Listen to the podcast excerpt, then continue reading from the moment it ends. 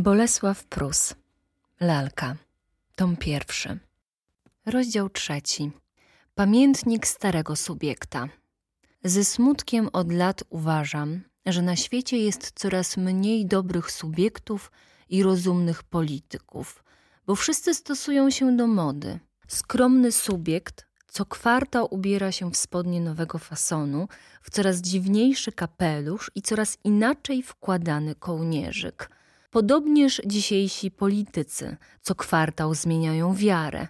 Onegdaj wierzyli w Bismarcka, wczoraj w Gambettę, a dziś w Beaconsfielda, który niedawno był Żydkiem. Już widać zapomniano, że w sklepie nie można stroić się w modne kołnierzyki, tylko je sprzedawać, bo w przeciwnym razie gościom zabraknie towaru, a sklepowi gości. Zaś polityki nie należy opierać na szczęśliwych osobach, tylko na wielkich dynastiach. Metternich był taki sławny jak Bismarck, a Palmerston sławniejszy od Beaconsfielda. I któż dziś o nich pamięta? Tymczasem ród Bonapartych trząsł Europą za Napoleona I, potem za Napoleona III, a i dzisiaj, choć niektórzy nazywają go bankrutem, wpływa na losy Francji przez wierne swoje sługi Macmahona i Dukrota. Zobaczycie, co jeszcze zrobi Napoleonek IV, który po cichu uczy się sztuki wojennej u Anglików. Ale o to mniejsza. W tej bowiem pisaninie chcę mówić nie o Bonapartym, ale o sobie, ażeby wiedziano, jakim sposobem tworzyli się dobrzy subiekci i choć nie uczeni, ale rozsądni politycy. Do takiego interesu nie trzeba akademii, lecz przykładu w domu i w sklepie. Ojciec mój był za młodu żołnierzem, a na starość woźnym w Komisji Spraw Wewnętrznych. Trzymał się prosto jak sztaba, miał nieduże faworyty i wąs do góry. Szyję okręcał czarną chustką i nosił srebrny kolczyk w uchu. Mieszkaliśmy na Starym Mieście z ciotką, która urzędnikom prała i łatała bieliznę. Mieliśmy na czwartym piętrze dwa pokoiki, gdzie niewiele było dostatków, ale dużo radości, przynajmniej dla mnie. W naszej izdebce najokazalszym sprzętem był stół, na którym ojciec, powróciwszy z biura, kleił koperty. U ciotki zaś pierwsze miejsce zajmowała balia. Pamiętam, że w pogodne dnie puszczałem na ulicy latawce, a w razie słoty wydmuchiwałem w izbie bańki mydlane. Na ścianach u ciotki wisieli sami święci, ale jakkolwiek było ich sporo, nie dorównali jednak liczbą Napoleonom, którymi ojciec przyozdabiał swój pokój. Był tam jeden Napoleon w Egipcie, drugi pod Wagram, trzeci pod Austerlitz, czwarty pod Moskwą, piąty w dniu koronacji, szósty w apoteozie. Gdy zaś ciotka zgorszona tyloma świeckimi obrazami zawiesiła na ścianie mosiężny krucyfiks, ojciec, ażeby, jak mówił, nie obrazić Napoleona, kupił sobie jego brązowe popiersie i także umieścił je nad łóżkiem. Zobaczysz, niedowiarku, lamentowała nieraz ciotka, że za te sztuki będą cię pławić w smole. I nie da mi cesarz zrobić krzywdy odpowiadał ojciec. Często przychodzili do nas dawni koledzy ojca, pan Domański, także woźny, ale z komisji skarbu, i pan Raczek, który na Dunaju miał stragan z zieleniną. Prości to byli ludzie. Nawet pan Domański trochę lubił Anyżówkę, ale roztropni politycy. Wszyscy, nie wyłączając ciotki, twierdzili jak najbardziej stanowczo, że choć Napoleon I umarł w niewoli, ród Bonapartych jeszcze wypłynie. Po pierwszym Napoleonie znajdzie się jakiś drugi, a gdyby i ten źle skończył, przyjdzie następny, dopóki jeden po drugim nie uporządkują świata. Trzeba być zawsze gotowym na pierwszy odgłos, mówił mój ojciec, bo nie wiecie dnia ani godziny, dodawał pan Domański. A pan Raczek trzymając fajkę w ustach na znak potwierdzenia, pluł aż do pokoju ciotki. Napluj mi jacan w balię, to ci dam, wołała ciotka. Może jej mość i dasz, ale ja nie wezmę, mruknął pan Raczek, plując w stronę komina. U, cóż to za chamy te całe grenadierzyska!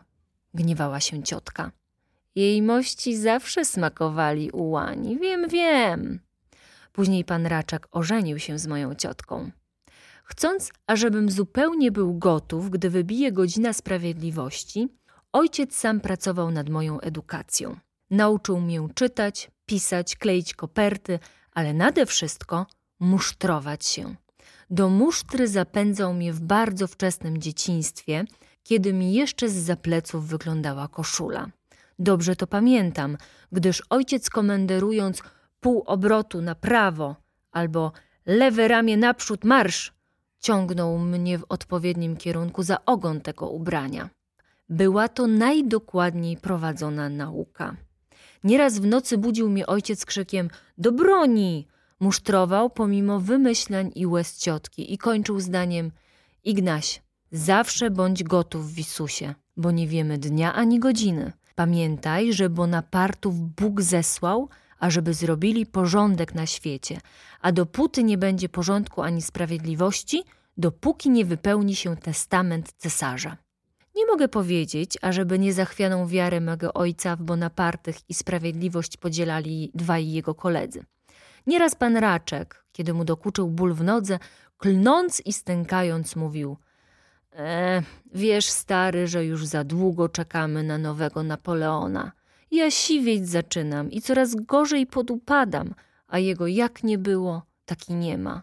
Niedługo porobią się z nas dziady pod kościół, a Napoleon po to chyba przyjdzie, ażeby z nami śpiewać godzinki. Znajdzie młodych. Co za młodych? Lepsi z nich przed nami poszli w ziemię, a najmłodsi diabła warci. Już są między nimi i tacy, co o Napoleonie nie słyszeli. Mój słyszał i zapamięta, odparł ojciec, mrugając okiem w moją stronę. Pan Domański jeszcze bardziej upadał na duchu. Świat idzie do gorszego, mówił trzęsąc głową. Wikt coraz droższy. Za kwaterę zabraliby ci całą pensję, a nawet co się tyczy anyżówki, i w tym jest szachrajstwo.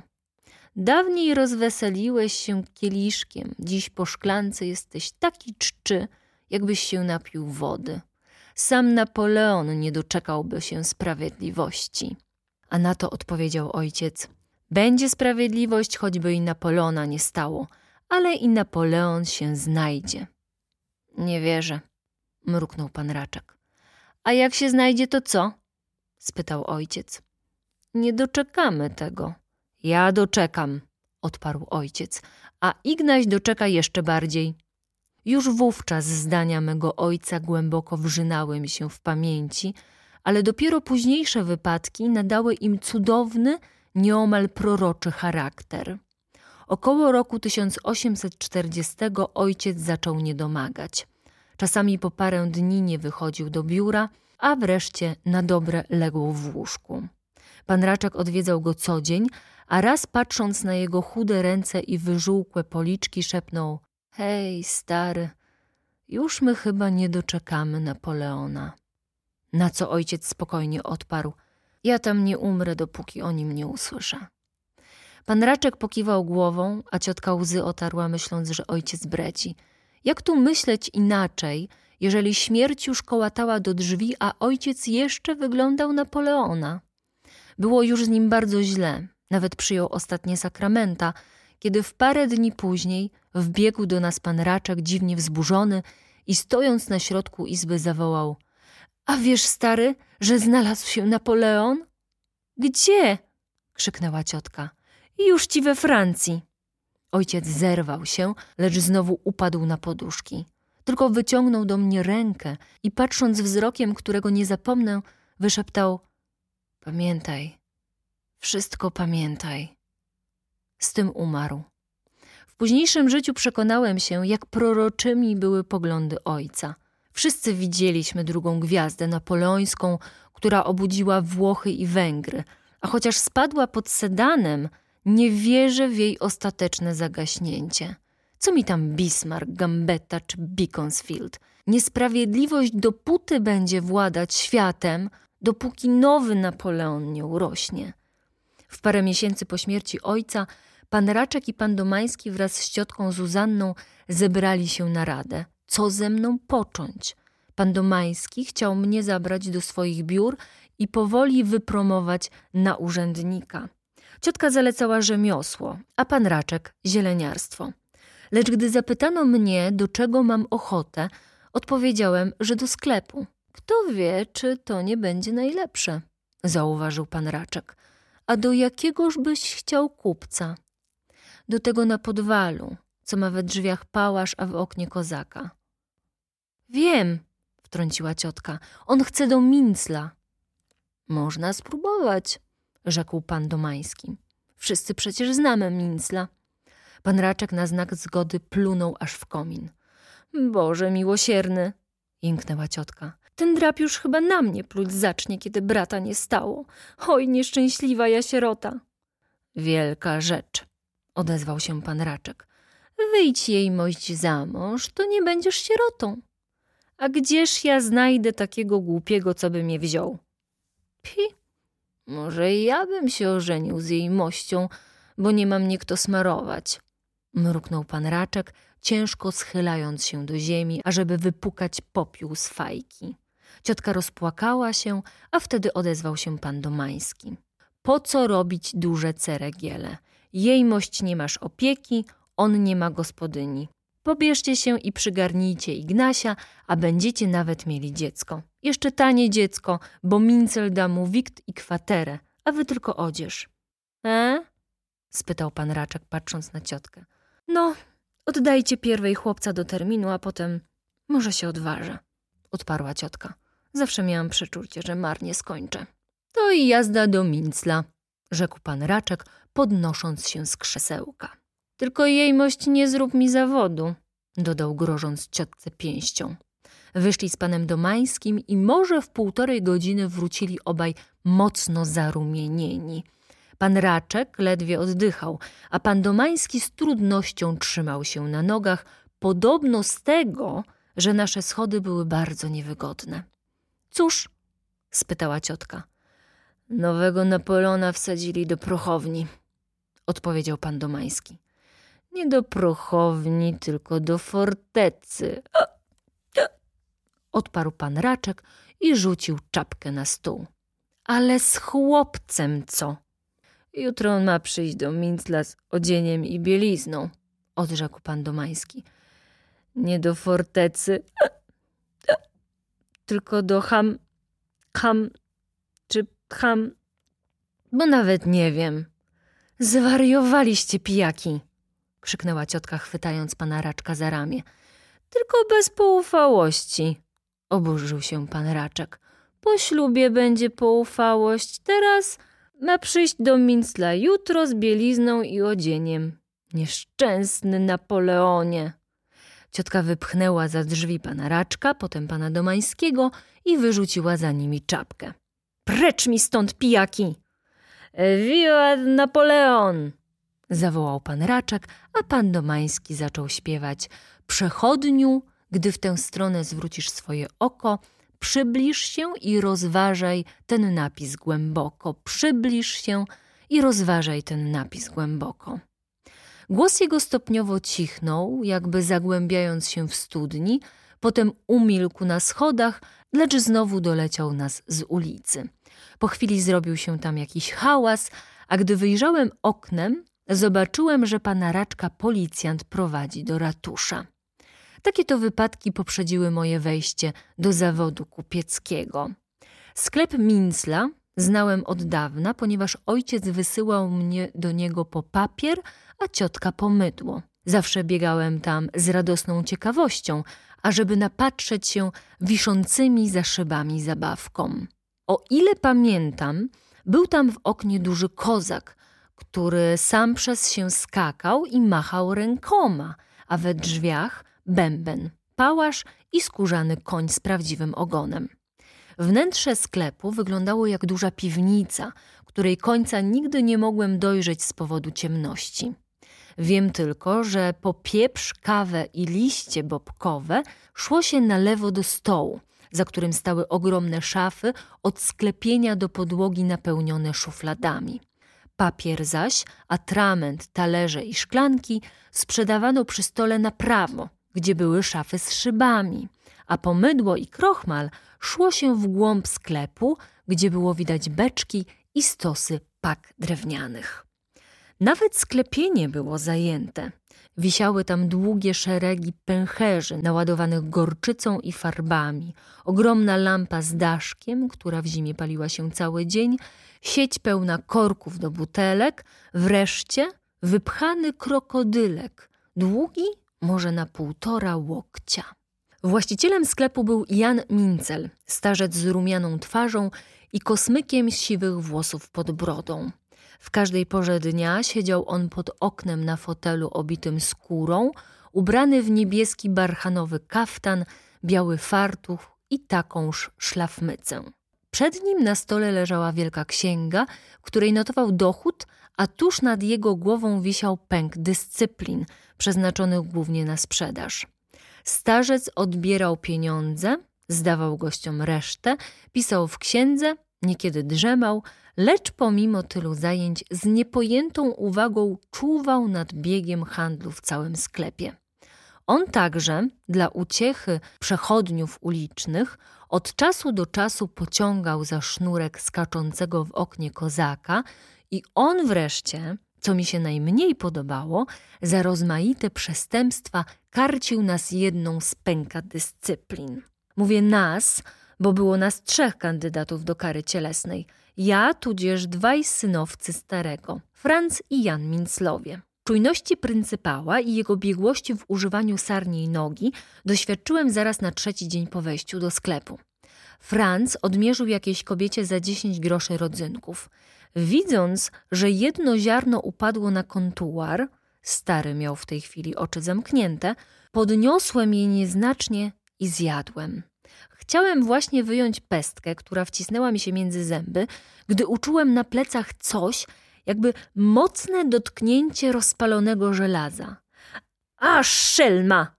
wrzasnął stary Mincel i nim zdałem sobie sprawę z sytuacji, przeciągnął po mnie jeszcze parę razy dyscyplinę od wierzchu głowy do podłogi. Zwinąłem się w kłębek z bólu, lecz od tamtej pory nie śmiałem wziąć do ust niczego w sklepie. Migdały, rodzynki, nawet rożki miały dla mnie smak pieprzu.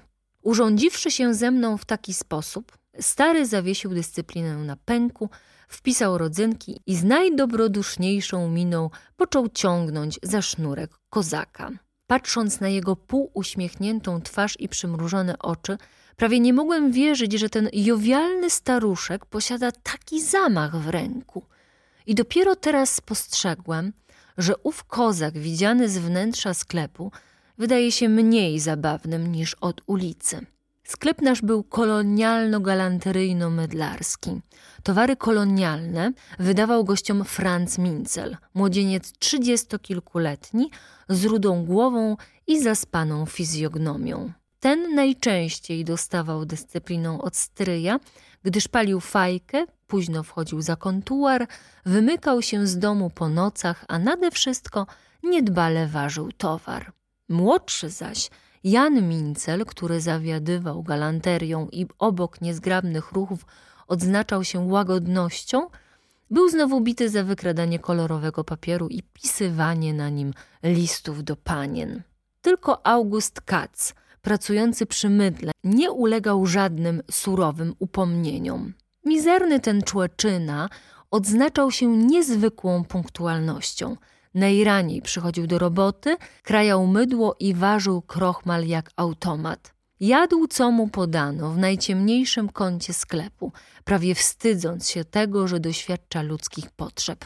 O dziesiątej wieczorem gdzieś znikał. W tym otoczeniu upłynęło mi osiem lat, z których każdy dzień był podobny do wszystkich innych dni, jak kropla jesiennego deszczu do innych kropli jesiennego deszczu. Wstawałem rano o piątej, myłem się i zamiatałem sklep. O szóstej otwierałem główne drzwi, tudzież okiennice. W tej chwili gdzieś z ulicy zjawiał się August Katz, zdejmował surdut, kładł fartuch i milcząc stawał między beczką mydła szarego a kolumną ułożoną z cegiełek mydła żółtego. Potem drzwiami od podwórka wbiegał stary mincel mrucząc Morgen. Poprawiał szlafmycę, dobywał z szuflady księgę, wciskał się w fotel i parę razy ciągnął za sznurek kozaka. Dopiero po nim ukazywał się Jan Mincel i ucałowawszy stryja w rękę, stawał ze swoim kontuarem, na którym podczas lata łapał muchy, a w zimie kreślił palcem albo pięścią jakieś figury. Franca zwykle sprowadzano do sklepu. Wchodził z oczyma zaspanymi, ziewającym, obojętnie całował stryja w ramię i przez cały dzień skrobał się w głowę w sposób, który mógł oznaczać wielką senność lub wielkie zmartwienie. Prawie nie było ranka, ażeby stryj, patrząc na jego manewry, nie wykrzywiał mu się i nie pytał: No, a gdzie ty, szelma, latała? Tymczasem na ulicy budził się szmer i za szybami sklepu coraz częściej przesuwali się przechodnie. To służąca, to drwal, jejmość w kapeluszu, to chłopak od szewca, to jegomość w rogatywce szli w jedną i w drugą stronę jak figury w ruchomej panoramie. Środkiem ulicy toczyły się wozy, beczki, bryczki, tam i na powrót. Coraz więcej ludzi, coraz więcej wozów, aż nareszcie utworzył się jeden wielki potok uliczny, z którego co chwilę ktoś wpadał do nas za sprawunkiem. Pieprzu za trojaka? Proszę funt kawy. Niech pan da ryżu. Pół funta mydła. Za grosz liści bobkowych. Stopniowo sklep zapełniał się po największej części służącymi i ubogo odzianymi jejmościami. Wtedy Franz Mincel krzywił się najwięcej. Otwierał i zamykał szuflady, obwijał towar w tutki z szarej bibuły, wbiegał na drabinkę, znowu zwijał, robiąc to wszystko z żałosną miną człowieka, któremu nie pozwalają ziewnąć. W końcu zbierało się takie mnóstwo interesantów, że i Jan Mincel i ja musieliśmy pomagać Francowi w sprzedaży. Stary wciąż pisał i zdawał resztę, od czasu do czasu dotykając palcami swojej białej szlafmycy, której niebieski kutasik zwieszał mu się nad okiem. Czasem szarpnął kozaka, a niekiedy z szybkością błyskawicy zdejmował dyscyplinę i ćwiknął nią którego ze swych synowców. Nader rzadko mogłem zrozumieć, o co mu chodzi. Synowcy bowiem niechętnie objaśniali mi przyczyny jego popędliwości. Około ósmej napływ interesantów zmniejszał się. Wtedy z głębi sklepu ukazywała się gruba służąca z koszem bułek i kubkami. Franz odwracał się do niej tyłem, a za nią matka naszego pryncypała, chuda staruszka w żółtej sukni, w ogromnym czepcu na głowie, z dzbankiem kawy w rękach. Ustawiwszy na stole swoje naczynie, staruszka odzywała się schrypniętym głosem. Guten Morgen, meine Kinder. Der Kaffee ist schon fertig. I zaczynała rozlewać kawę w białe fajansowe kubki. Wówczas zbliżał się do niej stary Mincel i całował ją w rękę, mówiąc Good Morgen, meine Mutter. Za co dostawał kubek kawy z trzema bułkami. Potem przychodził Franz Mincel, Jan Mincel, August Katz, a na końcu ja. Każdy całował staruszkę w suką rękę porysowaną niebieskimi żyłami, każdy mówił Good Morgen, Grossmutter i otrzymywał należny mu kubek tudzież trzy bułki. A gdyśmy z pośpiechem wypili naszą kawę, służąca zabierała pusty kosz i zamazane kubki, staruszka swój dzbanek i obie znikały. Za oknem wciąż toczyły się wozy i płynął w obie strony potok ludzki, z którego co chwila odrywał się ktoś i wchodził do sklepu. Proszę krochmalu. E, dać migdałów za dziesiątkę. Lukrecji za grosz. Szarego mydła. Około południa zmniejszał się ruch za kontuarem towarów kolonialnych, a za to coraz częściej zjawiali się interesanci po stronie prawej sklepu, u Jana. Tu kupowano talerze, szklanki, żelazka, młynki, lalki, a niekiedy duże parasole, szafirowe lub ponsowe. Nabywcy, kobiety i mężczyźni, byli dobrze ubrani, rozsiadali się na krzesłach i kazali sobie pokazywać mnóstwo przedmiotów, targując się i żądając coraz to nowych. Pamiętam, że kiedy po lewej stronie sklepu męczyłem się z bieganiną i zawijaniem towarów, Po prawej największe strapienie robiła mi myśl, czego ten a ten gość chce naprawdę i czy to kupi. W rezultacie jednak i tutaj dużo się sprzedawało. Nawet dzienny dochód z galanterii był kilka razy większy aniżeli z towarów kolonialnych i mydła. Stary Mincel i w niedzielę bywał w sklepie. Rano modlił się, a około południa kazał mi przychodzić do siebie na pewien rodzaj lekcji. Sagmir, powiedz was ist das. Co to jest? Das ist Schublade. To jest szublada. Zobacz, co jest w tę szubladę. Es ist Zimt. To jest cynamon. Do czego potrzebuje się cynamon? Do zupę, do legumine potrzebuje się cynamon. Co to jest cynamon? Jest taki koraz jedne drzewo. Gdzie mieszka taki drzewo cynamon? W Indii mieszka taki drzewo. Patrz na globus. Tu leży Indii. Daj mnie za dziesiątkę cynamon. O, du Spitzbub! Jak tobie dam dziesięć razy dyscyplin, ty będziesz wiedział, ile sprzedać za dziesięć groszy cynamon.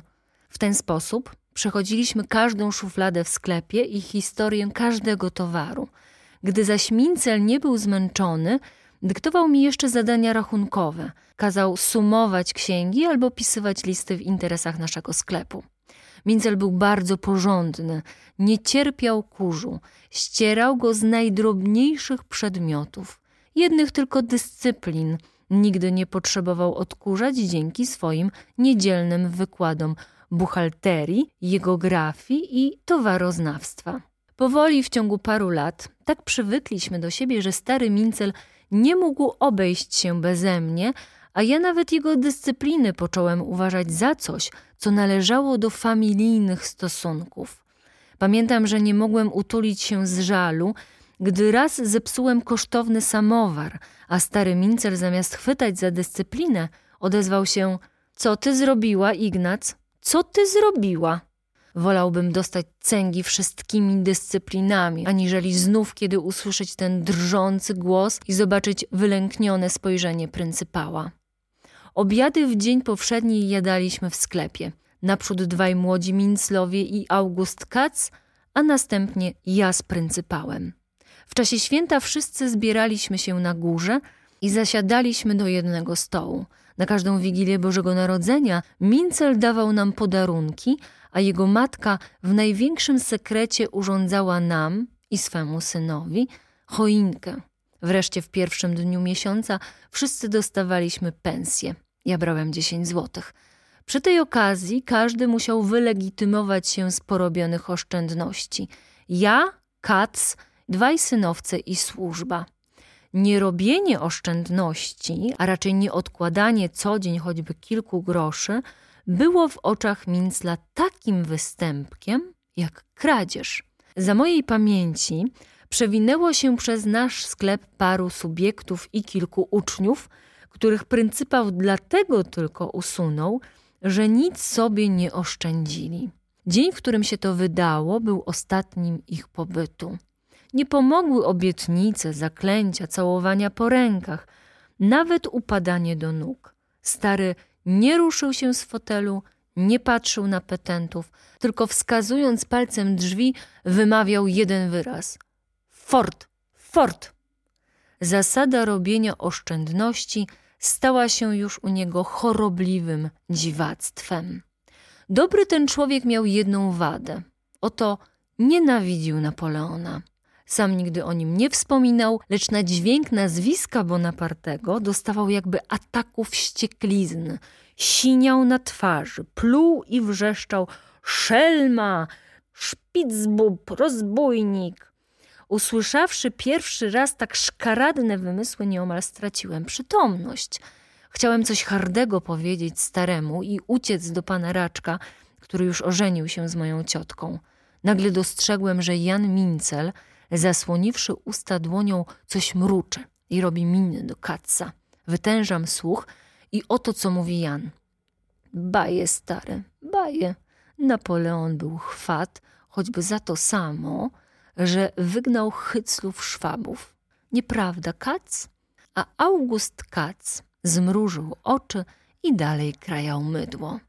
Osłupiałem ze zdziwienia, lecz w tej chwili bardzo polubiłem Jana Mincla i Augusta Katza. Z czasem przekonałem się, że w naszym małym sklepie istnieją aż dwa wielkie stronnictwa, z których jedno składające się ze starego Mincla i jego matki bardzo lubiło Niemców, a drugie złożone z młodych Minclów i Katza nienawidziło ich. O ile pamiętam, ja tylko byłem neutralny. W roku 1846 doszły na zwieści o ucieczce Ludwika Napoleona z więzienia. Rok ten był dla mnie ważny, gdyż zostałem subiektem, a nasz pryncypał, stary Jan Mincel, zakończył życie z powodów dość dziwnych. W roku tym handel w naszym sklepie nieco osłabł, już to z racji ogólnych niepokojów, już z tej, że i pryncypał za często i za głośno wymyślał na Ludwika Napoleona. Ludzie poczęli zniechęcać się do nas, a nawet ktoś, może Katz, wybił nam jednego dnia szybę w oknie. Otóż wypadek ten, zamiast całkiem odstręczyć publiczność, zwabił ją do sklepu i przez tydzień mieliśmy tak duże obroty jak nigdy, aż zazdrościli nam sąsiedzi. Po tygodniu jednakże sztuczny ruch na nowo osłabnął i znowu były w sklepie pustki. Pewnego wieczora w czasie nieobecności pryncypała, co już stanowiło fakt niezwykły, wpadł nam drugi kamień do sklepu. Przestraszeni Minclowie pobiegli na górę i szukali stryja. Katz poleciał na ulicę szukać sprawcy zniszczenia, a wtem ukazało się dwóch policjantów ciągnących, proszę zgadnąć kogo, ani mniej, ani więcej, tylko naszego pryncypała, oskarżając go, że to on wybił szybę teraz, a zapewne i poprzednio. Na próżno staruszek wypierał się, nie tylko bowiem widziano jego zamach, ale jeszcze znaleziono przy nim kamień. Poszedł też nieborak do ratusza. Sprawa po wielu tłumaczeniach i wyjaśnieniach naturalnie zatarła się, ale stary od tej chwili zupełnie stracił humor i począł chudnąć. Pewnego dnia zaś, usiadłszy na swym fotelu pod oknem, już nie podniósł się z niego. Umarł oparty brodą na księdze handlowej, trzymając w ręce sznurek, którym poruszał kozaka. Przez kilka lat po śmierci stryja synowcy prowadzili wspólnie sklep na Podwalu i dopiero około 1850 roku podzielili się w ten sposób, że Franz został na miejscu z towarami kolonialnymi, a Jan z galanterią i mydłem przeniósł się na krakowskie do lokalu, który zajmujemy obecnie. W kilka lat później Jan ożenił się z piękną Małgorzatą Fejfer, ona zaś, niech spoczywa w spokoju, zostawszy wdową, oddała rękę swoją Stasiowi Wokulskiemu, który tym sposobem odziedziczył interes prowadzony przez dwa pokolenia Minclów. Matka naszego pryncypała żyła jeszcze długi czas. Kiedy w roku 1853 wróciłem z zagranicy, Zastałem ją w najlepszym zdrowiu. Zawsze schodziła rano do sklepu i zawsze mówiła Good Morgen, meine Kinder. Der Kaffee ist schon fertig. Tylko głos jej z roku na rok przeciszał się, dopóki wreszcie nie umilknął na wieki. Za moich czasów pryncypał był ojcem i nauczycielem praktykantów i najczujniejszym sługą sklepu. Jego matka lub żona były gospodyniami, a wszyscy członkowie rodziny pracownikami. Dziś pryncypał bierze tylko dochody z handlu, najczęściej nie zna go i najwięcej troszczy się o to, ażeby jego dzieci nie zostały kupcami.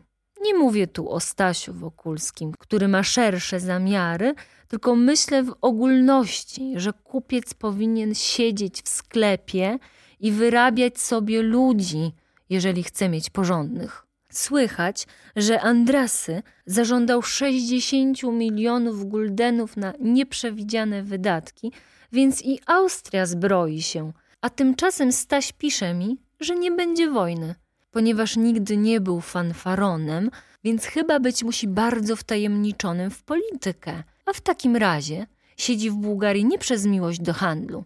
Ciekawym, co on zrobi. Ciekawym. Koniec rozdziału trzeciego. Ciąg dalszy nastąpi.